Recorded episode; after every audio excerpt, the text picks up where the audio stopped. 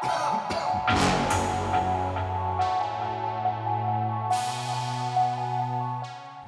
posle.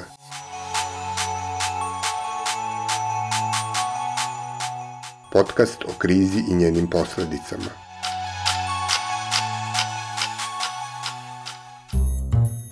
Ovo je 39. epizoda Dana posle specijalnog dnevnog podcasta koji se bavi društvenim i političkim posledicama pandemije koronavirusa kod nas i u svetu. Kako je poslednje nedelje maja najavio ministar financija Siniša Mali, uskoro možemo da očekujemo da vlada donese još mera za podsticanje zapošljavanja mladih koji su se zbog pandemije vratili iz emigracije, kao i onih koji su tokom krize ostali bez posla. Kakvih, po rečima ministra, imamo mnogo. Koliko tačno nije najjasnije. Prema podacima nezavisne organizacije Sekons, u Srbiji je tokom vanrednog stanja bez posla ostalo oko 200.000 ljudi. S druge strane, ministar za rad, zapošljavanje, boračka i socijalna pitanja Zoran Đorđević juče je izjavio da je tokom epidemije koronavirusa i vanrednog stanja u Srbiji broj zaposlenih čak porastao. Tačnije da je broj zaposlenih u maju za blizu 7000 veći nego što je bio u februaru ove godine – Iako priznaje da je u tom periodu svakako došlo do određenog broja otpuštanja, ministar rada ove ohrabrujuće brojke tumači time što je pandemija, kako kaže, probudila neka nova zanimanja i profesije. Možda je rano za svođenje računa, jer za neke pandemija još traje. Najveća žarišta se trenutno nalaze u fabrikama i samo u Smederevu je ovih dana potvrđeno prisustvo virusa kod zaposlenih u još tri radna kolektiva.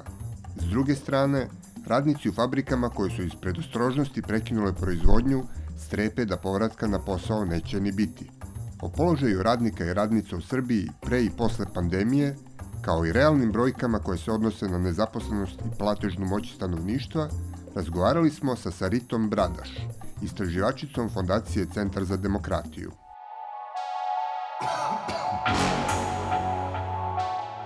Dan posle. Imamo sad neke nove podatke o broju zaposlenih, odnosno nezaposlenih u Srbiji. Šta te brojke kazuju i kako se uopšte računaju? Na koji način službena statistika to prikazuje i na koji još načine možemo da čitamo te brojeve i dođemo do njih? Republički zavod za statistiku koristi dva načina izračunavanja broja nezaposlenih, odnosno stopa nezaposlenih na osnovu tih brojeva nezaposlenih i broja zaposlenih aktivnog stanovništva. Jedan od tih načina je prikupljanje podataka anketom o radnoj snazi, koja je usklađena sa metodologijom Međunarodne organizacije rada. I ono što je interesantno kod te metodologije je da onda zahvatate i ono što registrovana statistika, registrovana zaposlenost i ne, nezaposlenost ne obuhvata, a to su oni koji rade u neformalnoj ekonomiji. E sad, Kako se računa broj nezaposlenih prema anketi o radnoj snazi? E, to su svi oni ljudi koji nisu radili u nedelji koja je prethodila anketiranju najmanje dva sata i koji su u prethodnih mesec dana aktivno tražili posao. Podatke o registrovanoj nezaposlenosti e, daje Nacionalna služba za zapošljavanje i registrovano nezaposleni su svi oni koji se prijavljuju na evidenciju Nacionalne službe za zapošljavanje. I sad tu postoji razlika od nekih 200.000 ljudi, recimo oko 550.000 ljudi je registrovano nezaposlenih u 2019. bilo, a negde oko 335.000 ljudi je bilo nezaposleno po anketi o radnoj snazi. Međutim, u okviru ankete o radnoj snazi postoji jedno pitanje koje se odnosi na subjektivnu procenu statusa onoga koji se anketira i kada ljude upitate kakav je vaš status na tržištu rada, njih 900.000 odgovara mi smo nezaposleni. Zato što čovek ne smatra sebe zaposlenim ako je radio dva sata u prethodnoj nedelji, bilo da mu je to plaćeno ili je pomogao nekome u nekom poslu i zato je dobio nešto u naturi, ručak, piće ili tako nešto. Dobili smo sveže podatke iz ankete o radnoj snazi za prvi kvartal 2020. godine i dobili smo podatke o registrovanoj zaposlenosti za april 2020. godine. E sad, prema anketi o radnoj snazi u prvom kvartalu 2020. u odnosu na poslednji kvartal 2019. godine, broj zaposlenih je manji za 60.800 Broj nezaposlenih je manji za 3800, to je, to je interesantno, ali ono što je ključno u, u posmatranju toga šta se dešava na tržištu rada, nije koliki je broj nezaposlenih, nego koliko je ljudi manje zaposleno. Jer oni se, ovi koji su ostali bez posla, prešli su u neaktivnost a nisu prešli u nezaposleno, što je negde i logično, jer recimo u martu mesecu, kad je uvedeno vanredno stanje i, i zabrana kretanja, naravno da nisu mogli aktivno da traže posao. A ko su tih 60.000? Najveći broj njih je onih koji su samo zaposleni bez zaposlenih. Tako da je u formalnom sektoru 17.700 samo zaposlenih, bez zaposlenih i poslodavaca ostalo bez posla, a u neformalnom sektoru čak 30.900 njih i to je najveći broj njih je van poljoprivrede. U poljoprivredi nije došlo do značajnog pomeranja u broju zaposlenih. To jeste i, i negde logično, jer ljudi koji su radili recimo u sektoru usluga ili su radili kao zanatlije, naravno da nisu mogli da rade za vreme ovog.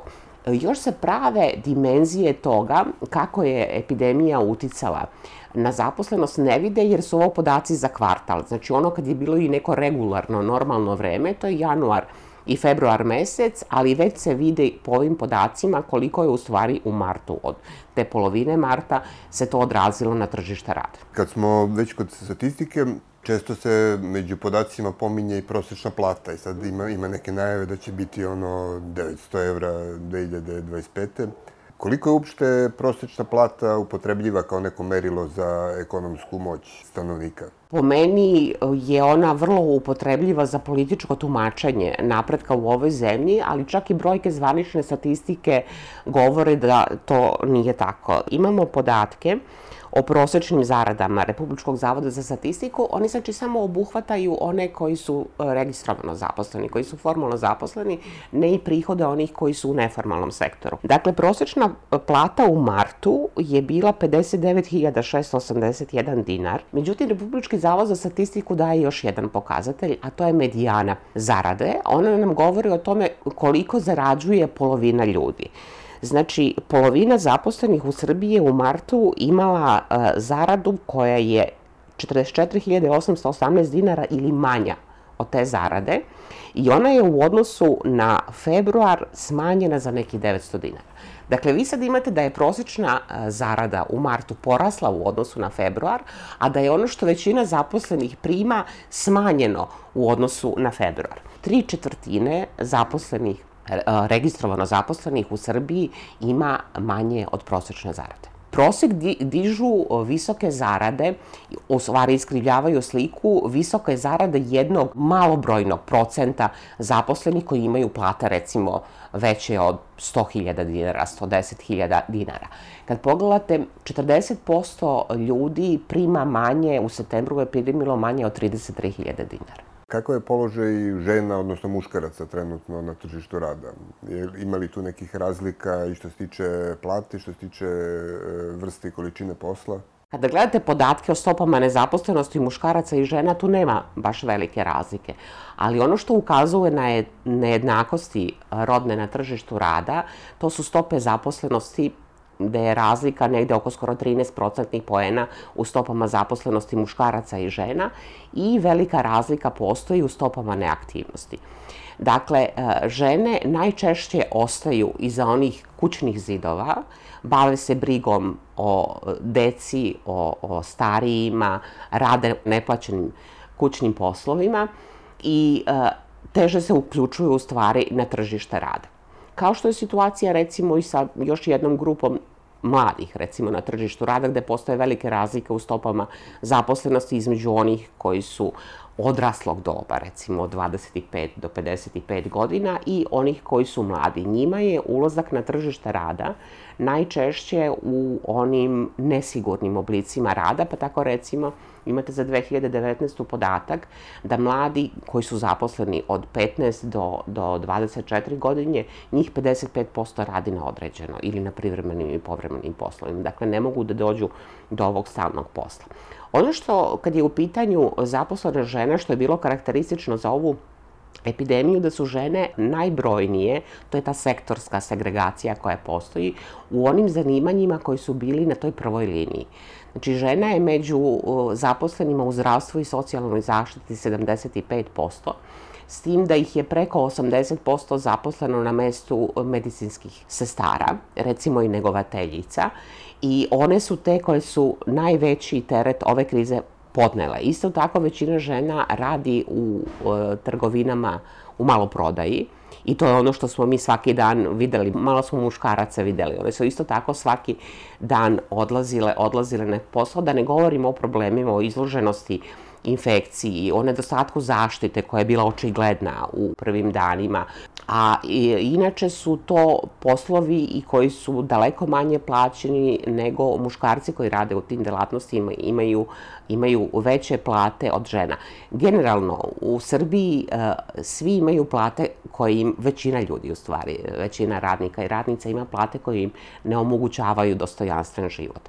Ali u tom nedostojanstvu žene su u još slabijem položaju. Tako da te razlike idu prema poslednjim podacima, to je istraživanje o strukturi zarada iz 2014. godine, recimo platni jaz između muškaraca i žena je čak za žene sa visokom stručnom spremom negde oko 17%. A sad kad smo pominjali zdravstvene radnike, da li se promenio nešto njihov položaj sad posle e, epidemije i što se tiče plata i što se tiče broja zaposlenih? Šta je bilo sa, sa najavom ministra Lončara da, da će se E, zaposliti silni neki sa biroa.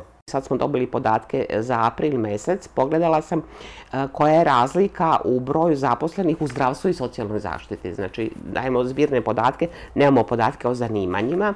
Broj zaposlenih u zdravstvu i socijalnoj zaštiti u odnosu na februar porastao je za čitavih 681 ja ne prepoznajem da je to ni blizu 2000, a čak ni, ni podaci koje imamo u biltenu Nacionalne službe za zapošljavanje ne govore nam o tome o masovnom zapošljavanju zdravstvenih radnika. Ja sam videla recimo u aprilu mesecu da su prijavljene potrebe za 55 medicinskih sestara, odnosno tehničara, i jednim epidemiologom. To je sve od lekara e, što su bile prijavljene potrebe za zapošljavanjem.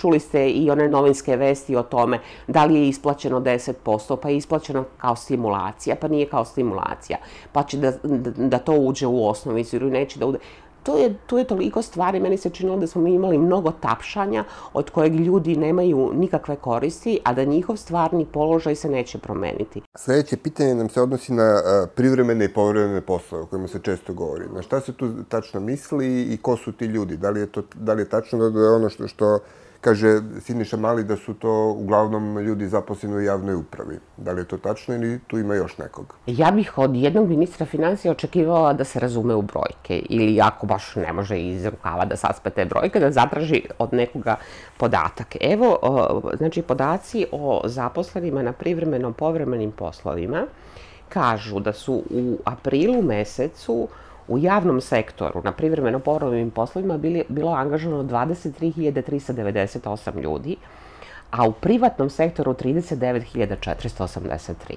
Dakle, većina zaposlenih na privremeno povremenim poslovima jeste u privatnom sektoru i taj odnos je otprilike isti i godinama unazad od kada imamo podatke o onim koji su radno angažovani na, na takvim poslovima. Ono što je karakteristično za one koji rade na privremeno povremenim poslovima jeste da oni ne uživaju većinu prava koje uživaju zaposleni, nemaju pravo na bolovanje, nemaju pravo na godišnji odmor. I njihove plate su skoro neki 30% niže nego oni koji rade po ugovoru na neodređene ili ugovoru na određeno i najveći broj onih koji su zaposleni jesu, jesu mladi u ovoj kategoriji. Tako da je vam epidemija i stanje na tržištu rada vam e, na margine dodatno gura one koji su inače bili mar marginalizovani u, u ovoj grupi. Neformalno zaposleni, oni koji rade na određeno, na privremenim i, i povremenim poslovima. A kako se kriza e, odrazila na privređivanje najranjivijih grupa, onih koji preživljavaju od skupljenja sekundarnih sirovina, prodaje na buvljaku i sličnih poslova. Procene nevladenih organizacija koje sam ja videla kažu da se između 35.000 i 55.000 ljudi u Srbiji bavi kao osnovnim poslom prikupljanjem sekundarnih sirovina među njima je 80% onih koji pripadaju romskoj populaciji koji najčešće žive u neformalnim naseljima. Međutim, pored njih, e, skupljenjem sekundarnih sirovina se bavi još neki 100.000 ljudi kao dodatnim izvorom prihoda jer nemaju dovoljno sredstava za život. U situaciji policijskog časa, koji je vikendima trajao e, sve vreme, je njima onemogućeno da rade taj svoj osnovni posao. A šta se dešava sa radnicima u fabrikama? Koji imali smo sad razne slučajeve onih koji nisu imali e, dovoljnu zaštitu od epidemije, koji su na razne načine druge bili iskorišćavani, šikanirani. O tome nam govori struktura, recimo, prerađivačke delatnosti. E, uz e, velike subvencije su dovedeni investitori koji su otvarali fabrike, najčešće za automobilsku industriju, ali pletenje kablova, dakle, sa e, nikakvom skoro dodatom vrednošću. Fabrike koje mogu da se sklope i da nestanu preko noći. Fabrike u kojima ljudi rade za nekih 250 do 300 evra. Fabrike u kojima ljudi rade subotama.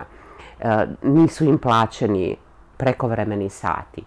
Sami su tražili, to smo videli, oni protesti radnika Jure, sami su tražili e, da se obezbedi, protestovali zbog toga, zbog osnovnog, onog što im zakon garantuje u ovoj zemlji da imaju zaštitu na radu. Onda je, znači, sindikalac bio uhapšen zbog toga što je tražio da radnici budu zaštićeni i onda imate nakon nekoliko nedelja da vam se ta ista fabrika javlja kao izvor širenja zaraze. A šta se dešava sad e, u javnom sektoru? Kako izgleda biti zaposlen e, u Srbiji u javnom sektoru u 2020. Ranije se podrazumevalo dobijete državni posao, obezbeđeni ste do kraja života. Nikad nije sprovedena analiza šta je to što nama, koje su to radna mesta koje nama trebaju u javnom sektoru. Da li nam treba toliko administracije na republičkom i na lokalnom nivou?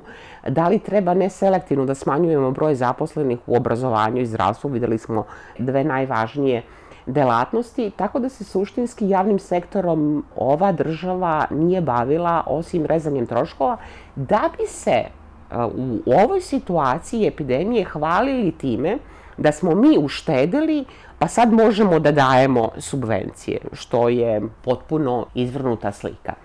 I dalje je e, javni sektor se smatra onim najsigurnijim delom zaposlenosti, ali s druge strane, ova zabrana zapošljavanja je dovela do toga, do naravno korupcije, klijentelizma, do toga da u javni sektor mogu da dođu samo oni koji su podobni, poželjni, a ulaznica za to jeste partijska knjižica. A onda kad na takav način uđete i dobijete posao, s tim što najčešće se zapošljavaju na određeno vreme, upravo zbog zabrane zapošljavanja na privremeno povremenim poslovima, čitava državna uprava vam je u VD stanju. Ljudi se drže na kratkoj uzici da bi mogli da ispunjavaju ono što se, što se od njih traži. Tako da ćemo mi imati velike, velike posledice toga i partijskog zapošljavanja i ocenjivanja ljudi. To, to mi se čini da se u stvari koristi kao, kao veliki resurs za partijsku vojsku i za ono što treba i davati stranci. Ukoliko budete nagrađeni nekim radnim mestom, vi ste obavezni ili da donirate nešto ili da radite za to. Znači, ili u novcu ili u naturi. Kako stoji situacija sa sindikatima, sa sindikalnim organizovanjem? U, u kolika je moć njihova? U kakvom su stanju oni? Da li postoje možda neki sad e, efikasni e, alternativni oblici samorganizovanja zaposlenih na zaštiti svojih prava? Vrlo teško ulaze u privatni sektor. Najvećim delom su u javnom sektoru koji je i inače najzaštićeniji i većina kolektivnih ugovora, ne znam koliko ima kolektivnih ugovora u, u privatnom sektoru, osim na nivou poslodavca, tako da su sindikati u, u nimalo zavidnoj poziciji. Jer potpuno je drugačije kad vi imate, ranije je bilo organizovanje, kad vi imate fabrike koje imaju 2, 3, 10 hiljada ljudi i kad sad imate najveći broj zaposlenih koji su zaposleni u malim i srednjim preduzećima koje je vrlo teško organizovati. Ono što se videlo za, za vreme ove epidemije je u stvari odnos vlasti prema, prema sindikatima. Recimo, kad su donošene ove mere koje su trebale da zaštite radna mesta, sindikati uopšte nisu konsultovani, nisu sazivane sednice socioekonomskog saveta. S druge strane, imali ste vrlo svetle primere sindikata lekara i farmaceuta Srbije koji su se od prvog dana borili svim silama da bi zaštitili zdravstvene radnike i mislim da je takav način delovanja nešto što vraća, vraća ugled sindikatu koji je urušen. Mi imamo jako mnogo sindikata, ali ta rasparčano sindikata dovodi do toga da ljudi ne mogu da zaštite svoje prava. Ja vidim rešenje u tome da se sindikati udružuju u asocijacije da bi bili jači i da uključuju u svoje redove, i to neki sindikati rade, recimo osnivaju udruženje koje bi okupila i one koji rade na privremenim i povrmenim poslovima, na one koji rade u neformalnom sektoru, na nezaposlene recimo, postoje neke organizacije koje organizuju i nezaposlene, ali snaga sindikata jeste u njihovoj brojnosti, da se udruže i nereprezentativni sindikati i oni koji su reprezentativni, jer svi imaju isti interes, a to je zaštita radničkih prava koja će da bude još potrebnija. Koliko su ekonomske teme i radna mesta i zapošljavanje prisutni u ovoj sad aktualnoj predizbornoj kampanji? Ako računate po slikanju u raznim fabrikama, verovatno je to prisutno. Prisutno je i u manipulacijama podacima. I kada se pominje ta priča zapošljavanja, ono jedino gde mi to čujemo jeste ucenjenost onih e, e, glasača e, njihovim, njihovim radnim mestima. Ali ja zaista nisam čula šta je ono što bi trebalo uraditi da bi u ovoj zemlji bolje bilo radnicama i radnicima i šta je ono što može da se, da se uradi u narodnom periodu. Dan posle.